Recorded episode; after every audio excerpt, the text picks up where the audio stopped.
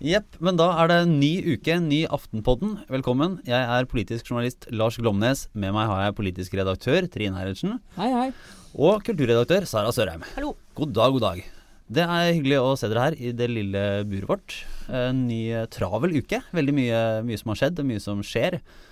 Um, men jeg tenkte jeg kunne begynne med et lite hjertesukk likevel, som jeg kan ta her. At eh, jeg syns jeg får altfor lite ros. Jeg, vi- jeg syns vi roser deg rett som det er, Lars. Ja, men Trine jeg- sier jo stadig vekk til deg Jeg syns det går bra med deg, Lars. Syns Ja. det, Tross jeg syns det går bedre nå, sier jeg òg. Ja, men jeg får jo så lite ros som betyr noe. For jeg får bare sånn kvinneros. Uh, og det har jo Harald og jeg sagt at det er jo ikke noe verdt for oss menn. Det teller ingenting. Så eh, det er greit nok. Jeg har liksom nære kvinnelige kollegaer, kvinnelig avdelingsleder. Og eh, kvinnelige kvi- forbilder. Kvinnelige forbilder. eh, men eh, det er jo ingen vanlige sjefer. Jeg, ville bytta bort alt for et rosende ord fra Harald Stangere. Du er jo ikke alene om det, da, ifølge Harald Eia. Dette er jo en utbredt holdning blant eh, alle menn, eh, ifølge han. Som jo da hadde ukas mest eh, debatterte innlegg, tror jeg vi kan kåre det som. På tross av alt annet som skjer. Eh, hvor han eh, rett og slett, eh, for de av dere der ute som ikke har lest det, slår fast at det fins en gutteklubb. Og i den gutteklubben så er det altså mer verdifullt å få en klapp på skulderen av andre menn enn av kvinner. Så anerkjennelse menn imellom er det de egentlig strever etter. Sånn at vi damer kan godt prøve å være med, men eh, vi får aldri makt over dem. fordi det, det betyr aldri nok for dem hva vi egentlig mener. Jeg tror det var omtrent sånn han konkluderte. Ja, den homososialiteten som ikke-seksuelle eh, ønsker om, om oppmerksomhet, da. Som, ja. som da gjennomsyrer eh, i hvert fall hans hverdag. Og det vi kan kommer vi også slå fast at ordet homososialitet, eh, som fram til nå har vært forbeholdt svensk eh, offentlig debatt, hvor sånne ord florerer, har nå inntatt Norge. Det er en Kunne vært et bekymrings... ord som kronprinsparet fant på, men det, den er vi jo ferdig Det er med, ferdig. dessverre. Og for de som lurer på det, vi kommer tilbake til, eh, til andre ting her etter hvert. For de som er veldig sånn får litt noia av, av kulturdebatter. Så blir det litt Det blir en del politikk og litt Telenor sånn etter hvert. Så har vi informert om det. Men vi vil jo gjerne snakke litt om, eh, om denne Ja, ja, som. Harald Eia satte i gang. Fordi Han har fått kjeft. han har fått kjeft. meg.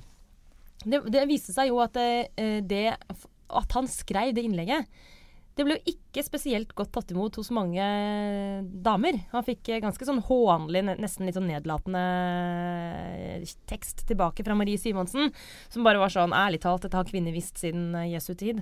Og Linn Skåber var jo relativt krass i sitt svar eh, noen dager senere, hvor hun bare var sånn Skaff deg noen nye venner. Eh, men jeg syns det er egentlig eh, urettferdig overfor Harald Eia. Syns han For du har jo vært, eh, du har jo vært litt Harald Eia og Facebook-Høyre og Ullevål Havby-kritisk tidligere, Sara. Men her står du jo litt på Eia-sida. Jeg syns han har gjort et ærlig forsøk på å beskrive verden ut fra hvordan mange kvinner faktisk opplever den. Og han prøver jo å si at eh, jeg ser at det fins usynlige strukturer i samfunnet som holder kvinner nede eller ute. Det er jo det feminister ofte har påstått. At det hjelper ikke at vi, at vi sier at vi er likestilte, fordi i, i, i praksis så er det altså disse usynlige tingene, f.eks. av det såkalte glasstaket, som styrer mye. Og det jeg synes Eia kommer eh, feminister i møte og sier at eh, ja, faktisk, dere har helt rett. Det eksisterer, det må vi gjøre noe med. Mm. Jeg fatter ikke at man ut fra et feministisk ståsted kan anklage han for, eh, for å ikke være nettopp det. Jeg tror vel at noe, noe av det var, i hvert fall sånn som jeg leste, så er det litt sånn Harald Eia er kjent for å være biologiens forsvarer i, i kjønnsspørsmål. Så når han slår fast at sånn er det, og alle menn er sånn, så er det veldig lett å tenke til den uh, Hjernevask-serien, og uh, det er noen sannheter man ikke kan slippe unna retorikken. Heller enn virkelighetsbeskrivelsen, da, som kanskje er et mer feministisk prosjekt. Jeg er jo, jeg er jo litt i altså, Jeg mener Harald Eia har helt sikkert et poeng, men så jeg hater jo sånne generaliseringer. Sånn alle menn og alle kvinner. Eh, Marie Simonsen generaliserer altfor mye på vegne av alle kvinner, og Harald Eia på vegne av alle menn. Jeg kjenner meg ikke igjen i noen av deres uh, virkelighetsbeskrivelser. Eh, ja, det finnes strukturer. Ja, det finnes miljøer der dette er særlig fremtredende. Han kommer fra et sånt eh, komikermiljø med røtter i Ullevål Hageby og NRK, og det er en bitte, bitte, bitte liten verden. Eh, og de får nå styre med sitt. Eh, jeg kommer fra en annen verden og har alltid skrevet og brukt tiden min på egentlig sånne maskuline tema som olje, økonomi og fisk og politikk og statsbudsjett og den type ting. Jeg har ikke hatt noe sånn følelse av at det er forskjellig type tilbakemelding fra eh, kvinner eller menn. Jeg har selvfølgelig fått uh, mest tilbakemelding fra menn, fordi jeg har skrevet om temaer som menn er særlig interessert i. Uh, men jeg, jeg syns jo altså, Ja, grei debatt, og viktig debatt. Så er det mange som tenner på den debatten. Men denne generaliseringen så jeg får jo aldeles eksem av det, altså. Og men, når det i tillegg har utspring i Ullevål Hageby, så kjenner jeg at jeg tar på meg hele resten av norgekappen og tenker Get a room! Men det er jo ikke bare Ullevål Hageby. Altså, Harald jeg refererer til uh, NRK i sin tekst. Og jeg har jobba litt uh, der. Og uh, det er et bord i kantina på NRK. Jeg tror faktisk sikkert det er der fortsatt. Og det bordet Det er to bord, faktisk. Det er ett med eldre NRK-menn, og så er det ett med yngre. Nå er det jo snart 50, alle de som er unge òg, da. Men det der ungdomsbordet, det er det kule bordet. Der sitter alle som jobber rundt Thomas Seltzer. Han tror jeg er kongen nå. For noen år siden så var det Harald og uh, Bård Tufte som mm. var uh, sjefene un der. Underholdningsavdelingen du snakker om nå, da? Yes. Og så mm. sitter selvfølgelig Sagen-brødrene der. Uh, og så er det veldig, veldig få kvinner. men de som er der, de, de blir sett av alle. For det bordet der, det er liksom Det er kjernen i det Harald og jeg snakker om i den kronikken. Mm. Og jeg er enig med Trine at dette er kanskje en veldig lokal problemstilling, bordet i kantina på NRK. Men det er ikke noe tvil om at dette er gutter som har bygget hverandre opp, og som bygger hverandre opp. Og det er en gutteklubb, og det er vanskeligere for damer å få innpass der. Og det mener jeg er Kanskje kan du ikke generalisere, Trine, men det er likevel en struktur som er der ute. Jeg syns det er bra at Harald jeg bare peker på det. Ja da, det syns jeg òg, men jeg bare, jeg bare, er så redd for de her generaliseringene. Og vi hadde en debatt i fjor vår eh, om alle disse her eh, kvinnene som heiet sånn på hverandre i sosiale medier. og Det blir liksom trukket frem som en veldig sånn kvinnelig greie. og Hver gang de ytrer seg, så kommer det en kvinne og sier 'Å, du er, så, du er så flink og du er så sterk og står på' og sånn. Eh, altså Jeg fikk akkurat like mye eksem av det. altså. Så det er, det er liksom den generaliseringen igjen som jeg eh, mener at vi har all mulig plikt til å eh, problematisere. da. Og en annen ting, Kan vi snakke bare to sekunder til om hva man får eksem av? Vær så snill. Hvis det er lov å tømme seg litt her. Eh, fordi eh, jeg får også fnatt av eh, kvinner som rykker ut mot menn som helt åpenbart prøver å gjøre en god ting i feminismens ja. æren. Altså, det er ikke sånn at det bare er damer som får lov til å påpeke urettferdig oppførsel mot damer. Mm. og det syns jeg også er en sånn Hvis vi skal tviholde på at det er bare vi som får lov til å klage, ja, da får man aldri gjennomslag. Eh, så, Der er jeg så enig med deg. Og det er, På ene dagen så sier vi at menn bør gå i tog som sier 'ta natten tilbake' og mot voldtekt og sånn. Neste dag så får de på, uh, på trynet når de prøver å gå inn i en debatt som mange kvinner er engasjert i, med sitt ståsted. da. Uh, og prøver å peke på noe som kvinner peker på, rett som det. Ja, Mens dere har vært opptatt av sånne kvinnesaker, så Trine har aktivt prøvd å ikke være opptatt av det, vel å merke. Nei da. Men det tar mye tid å aktivt prøve å ikke være opptatt av noe også, ja. så det har jo gått med litt energi. Men uh, hvis, hvis, man uh, beveger seg ut i uh, politikkens verden, så har jo i hvert fall jeg brukt bortimot hele uka på å forstå etterdønningene av dette asylbudsjettet, og ikke minst den planlagte prosessen for et mulig bredt uh, tverrpolitisk samarbeid om innvandringspolitikken i åra som kommer. Ja, hvordan uh, går egentlig de greiene der? Nå merker jeg at det, nå, dette her har blitt en så uoversiktlig situasjon mm. at jeg vet ikke om noen Jeg gleder meg nå litt til å høre, Lars, om du har klart å liksom, få et slags sånn gjennombrudd her. fordi nå må jeg si at det, det er litt vanskelig å se akkurat hva som egentlig nå er veikartet. Ja, og det, er jammen ikke så lett å forklare heller. Uh, men uh, hvis man uh, tenker i hvert fall første rekke, så kan man dele budsjettprosessen, som også skjer for 2016, som nå er i gang, som foregår mellom de fire borgerlige partiene. Det er, liksom, det er den kortsiktige løsningen som, som man må finne, finne orden i. Uh, og Der sitter de og holder på. Og I tillegg til det så er det et spor som dreier seg om den langsiktige innvandrings- og integreringspolitikken, der Erna Solberg har gått på Stortingets talerstol og bedt norske politikere på Stortinget om å uh, bistå i en dugnad. Det vil si at uh, De vil at jo flere partier, jo bedre, som kan stille seg bak en felles måte, å håndtere den voldsomme innvandringen og, og asylstrømmen på, jo bedre vil det være. Uh, og da har jo alle de andre partiene egentlig sagt at uh, dette er vi interessert i. Men Frp er ikke helt uh, enig i det. De har ikke lyst til å være med på det brede, store um, forliket, rett og slett? Nei, i, nei. i utgangspunktet ikke. Vi, kan, vi, tenkte egentlig at vi kunne gå gjennom noen av de mange forskjellige motivasjonene som som ligger bak hvordan de partiene beter seg nå. Men det som har vært aller mest spennende, er jo Frp. Og på et gruppemøte på onsdag så bestemte de seg jo for å holde døra åpen for, sånn, for, videre samtaler og et bredere samarbeid. Men det, det, var bare så vidt. For det var kjempestrid internt i partigruppa. og det var jo et annet forslag fra Christian Tybring-Gjedde som mente at man bare skulle avvise alle sonderinger og potensielle forhandlinger. Uh, annet enn det som ligger på bordet allerede, som er forslaget fra Høyre og Frp og rett og slett ikke, ikke på en måte legge opp til andre samtaler. Uh, og Det forslaget fikk faktisk uh, åtte stemmer i uh, gruppa. Av hvor mange da? Altså Det ble nedstemt av 14 som stemte mot, og 8 som stemte for. Og Det som kanskje er mest interessant, er at ifølge våre flere kilder, så var Per Sandberg, nestleder, en av de som stemte for Christian Tymring-Gjeddes forslag. Og da er det jo splittelse i både partiet og i ledelsen. Fordi Siv Jensen har jo også, ifølge våre kilder, vært av de som har i hvert fall vil holde, holde døra åpen da, for et bedre samarbeid. Dette høres ut som kaos, eh, Trine. Det, ja, det glade kaos. Eller sinte. Ja, altså det, det, er jo for så vidt litt kjent eh, fremgangsmåte, da. Men det som er interessant, er jo begrunnelsen til partiet. Og Nå begynner jo stadig flere å snakke om, og vi har snakket om det her i Aftenpodden før, eh, hvordan det er for Fremskrittspartiet å sitte i en regjering som skal håndtere den største asyltilstrømningen i Norge noensinne. Uh, og da har vi også snakket om at det kan være en fordel for uh, Frp å gå ut av regjering og heller drive med opposisjonspolitikk på flyktningområdet på utsiden av regjeringen. Uh, enn å sitte inne og på en måte få ansvar for det som skjer de neste par årene frem mot valget.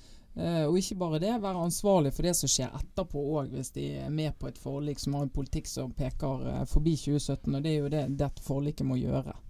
Og Det er jo da også interessant å se på hva uh, Arbeiderpartiet vil, uh, som, som, vil ha med Fremskrittspartiet.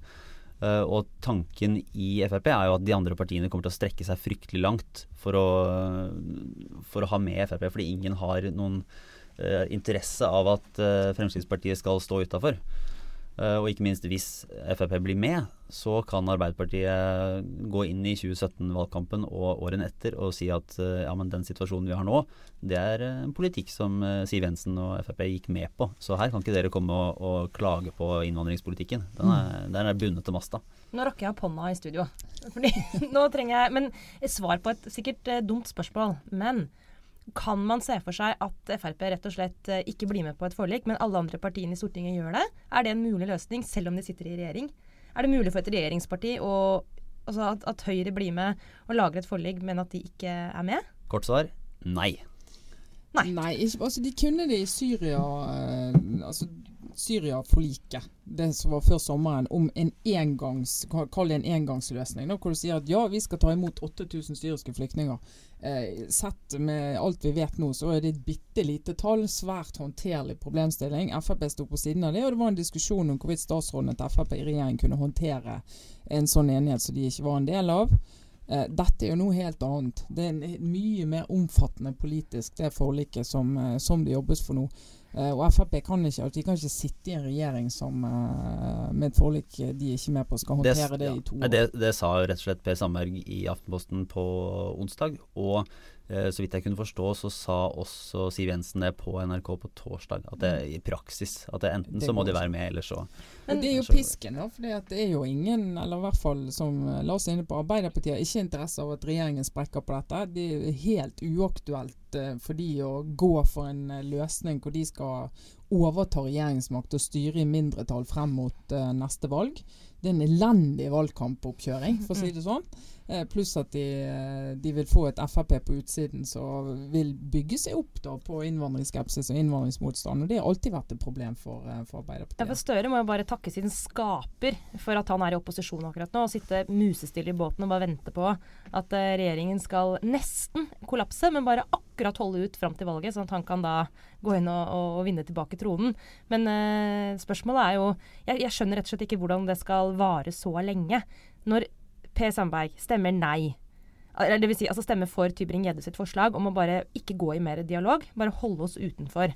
Da stemmer han jo egentlig indirekte nei til hele regjeringssamarbeidet. Det kommer I teorien så kan man jo se for seg Her spiller jo eh, Fremskrittspartiet skikkelig hardball. da. Hvor de eh, ser for seg at hvis de bare står fast på sine innstrammingsforslag, som strengt tatt eh, det som lå i, i asylbudsjettet, ikke er ekstreme ting, så tror de at da vil resten komme etter. Da, da tenker de at, Ja, eh, at, at hvis resten kommer etter, så, så er det jo greit nok. Mm. Uh, og da vil, eh, da vil ikke si at de fikk gjennom sin, uh, sin innvandringspolitikk. Men et strategisk spørsmål som uh, flere sier i Frp at de må ta stilling til etter hvert, er jo om man vil være en del av et sånt forlik. For det binder jo Mm. eh, Da binder man seg til en politikk også utover denne perioden. Og det kan ha en selvstendig verdi å ikke være en del av et, eh, av et forlik med Arbeiderpartiet, Senterpartiet, KrF og Venstre. Altså sammen med Høyre, da. I tillegg til at selv om Frp skulle få fullt gjennomslag nå for sine forslag, så vil ikke det stoppe asylstrømmen. Så vi vil fremdeles få en tilstrømming til Norge som mye større enn det vi har i dag. Så da, da kan de risikere å komme i en situasjon der de sier at vi fikk gjennomslag for vår politikk, men fremdeles kommer, eh, kommer asylsøkerne. Fremdeles har vi problemene ute i kommunene. og Det er jo heller ikke noe sånn gyllent sted å være frem mot, eh, mot det valget. Men sentrum har jo en annen vurdering igjen, Lars. Ja, der er det hvert fall Der er man jo veldig tydelig på at, øh, at man på en måte ikke vil gå hele veien etter Frp. I hvert fall, øh, hvert fall offentlig. Men jeg tror nok det også der er en del som ser at her, det er fornuftig med noen innstramminger og noen endringer av disse reglene. For dem er det en veldig, øh, veldig mye større Det er mye, mye enklere å svelge denne litt sånn bitre pillen hvis Arbeiderpartiet og Senterpartiet også er med. Mm. For da kan du si at ja, vi inngikk et bredt forlik, vi. Det var det vi gjorde, ansvarlig sammen med alle andre.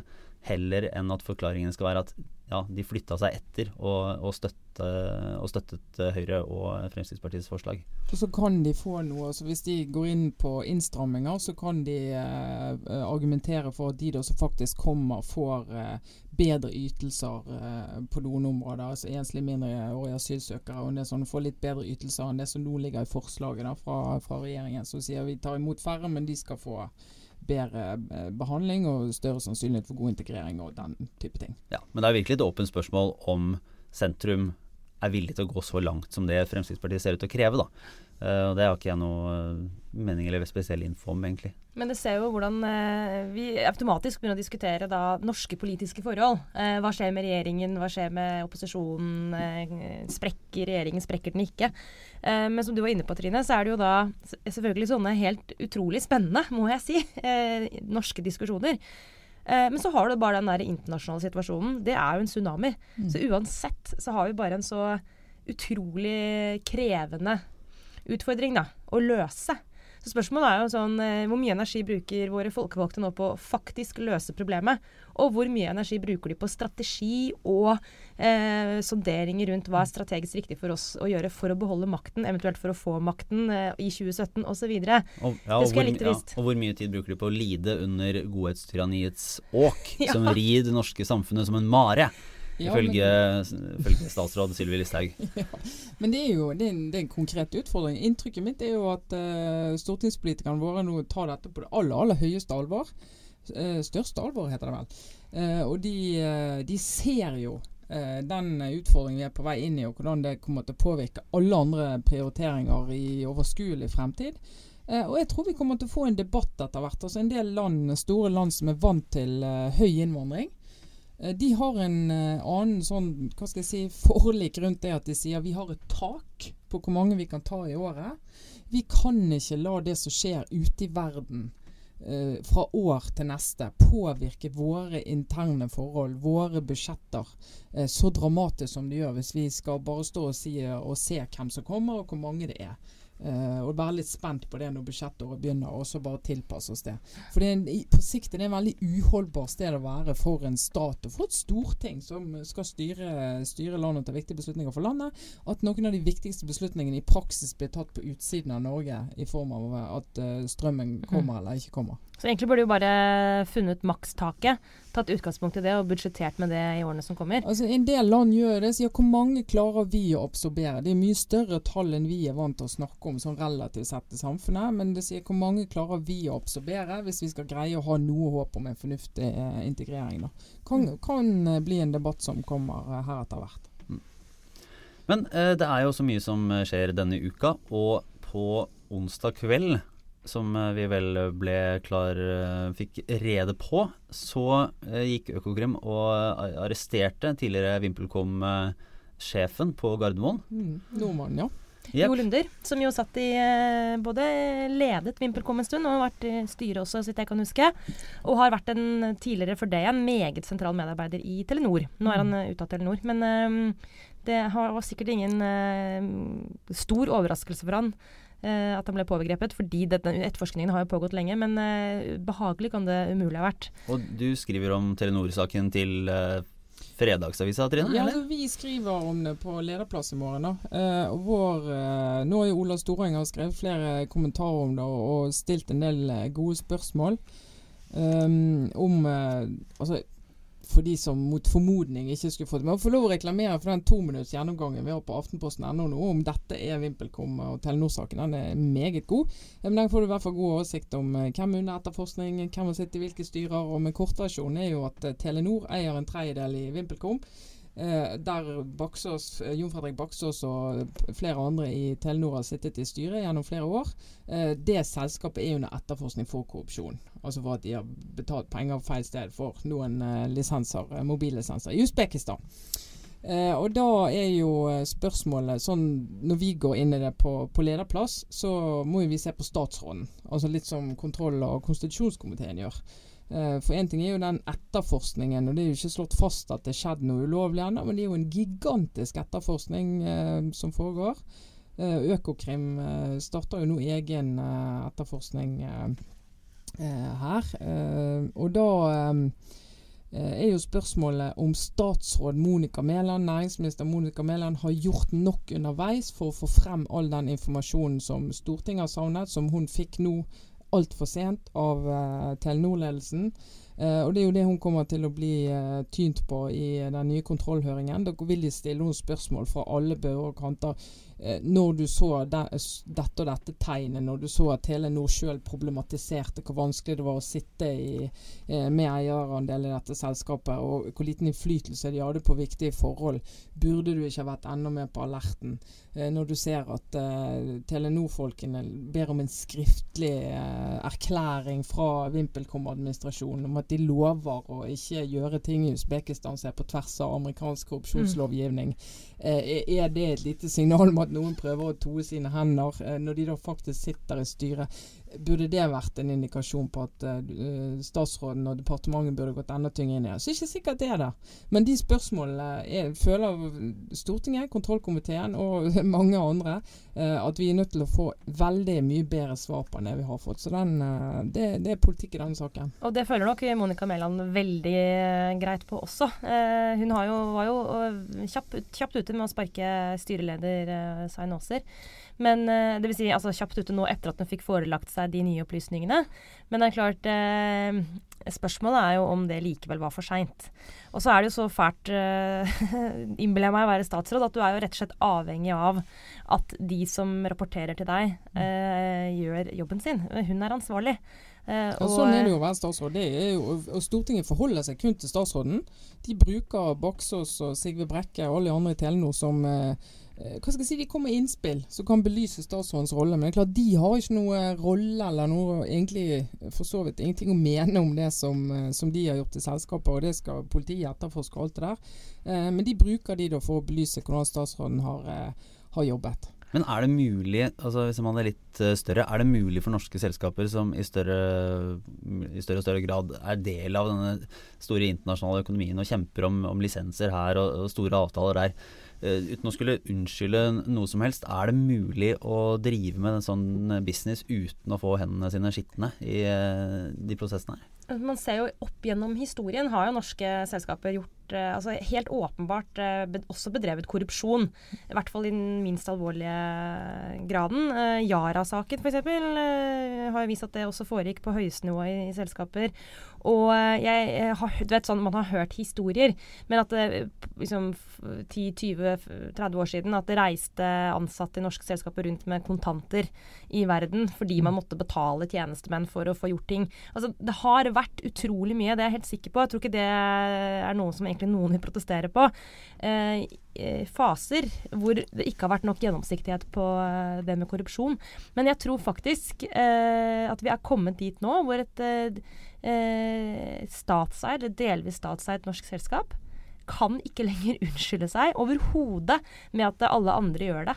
Mm. Eh, og Det viser jo også, det er for så vidt utrolig positivt med de rundene vi har hatt de siste årene. da. Mm. At det, der, det, det, nivået er man forbi. Det, det, kan ikke forsvares på noen som helst måte. Og det tror jeg også Det har vært en opprydning i norsk næringsliv på når det gjelder korrupsjon. Ja, altså, altså Toppledelsen i de uh, selskapene i Norge som er ute i sånne land, de landene hvor det er mest uh, potensial for å tjene gode penger, det er land som ikke ja, er skrudd sammen sånn som land vi liker å sammenligne oss med. Så det er regimer hvor korrupsjon er svært vanlig.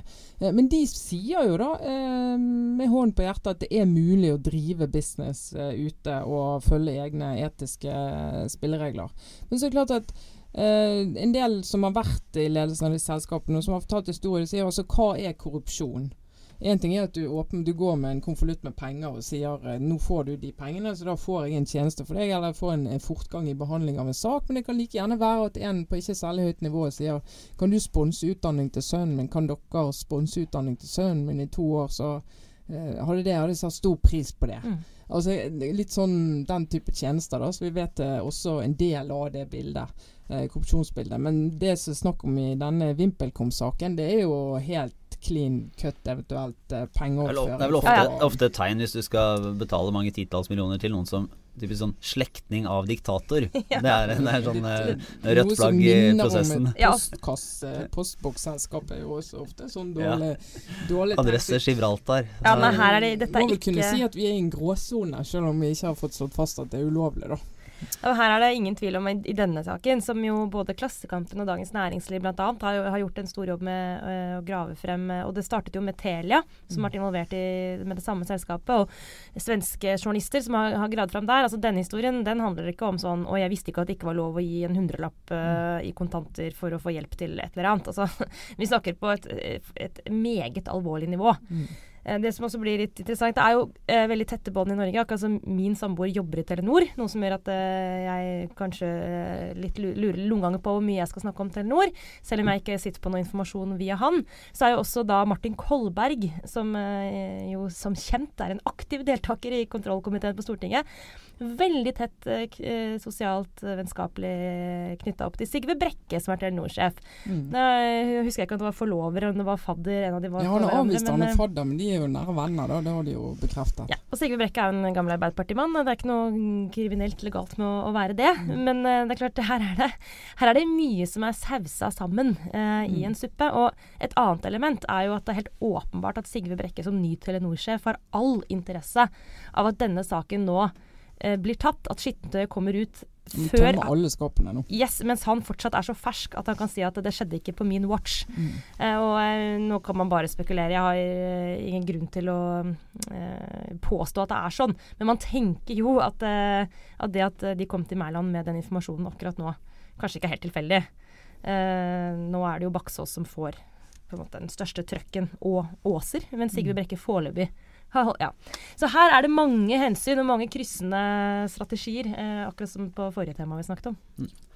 Men eh, da tar vi vel eh, slutten for denne gang, og så er det garantert mye interessant uh, neste uke også. Jeg vet om et par ting som ser ut til å dukke opp, i hvert fall. Ja, så, så har vi jo alltid vi... Per Sandberg vi kan lene oss på uansett. Ja, en trygg havn i, i podkastverdens uh, idémyldring. KrF har jo landsstyremøte fredag.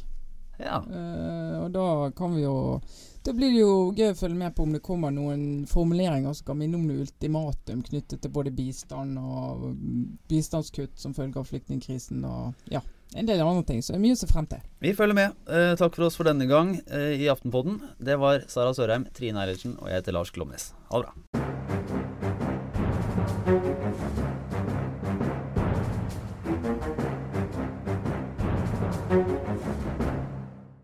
Ja, så kan vi ta med en liten ekstra beskjed. Hvis du hørte på podkasten denne uken i iTunes, så kan du jo også gå inn og abonnere. Da får du den neste utgaven rett i telefonen din uten å måtte gjøre noe som helst. Eh, det gjør du ved å søke på Aftenpodden i eh, iTunes-søkeren. Og så er det bare å trykke på abonner og vente på neste utgave. Gi oss også gjerne en stjernerating i iTunes hvis dette er noe du vil anbefale til andre.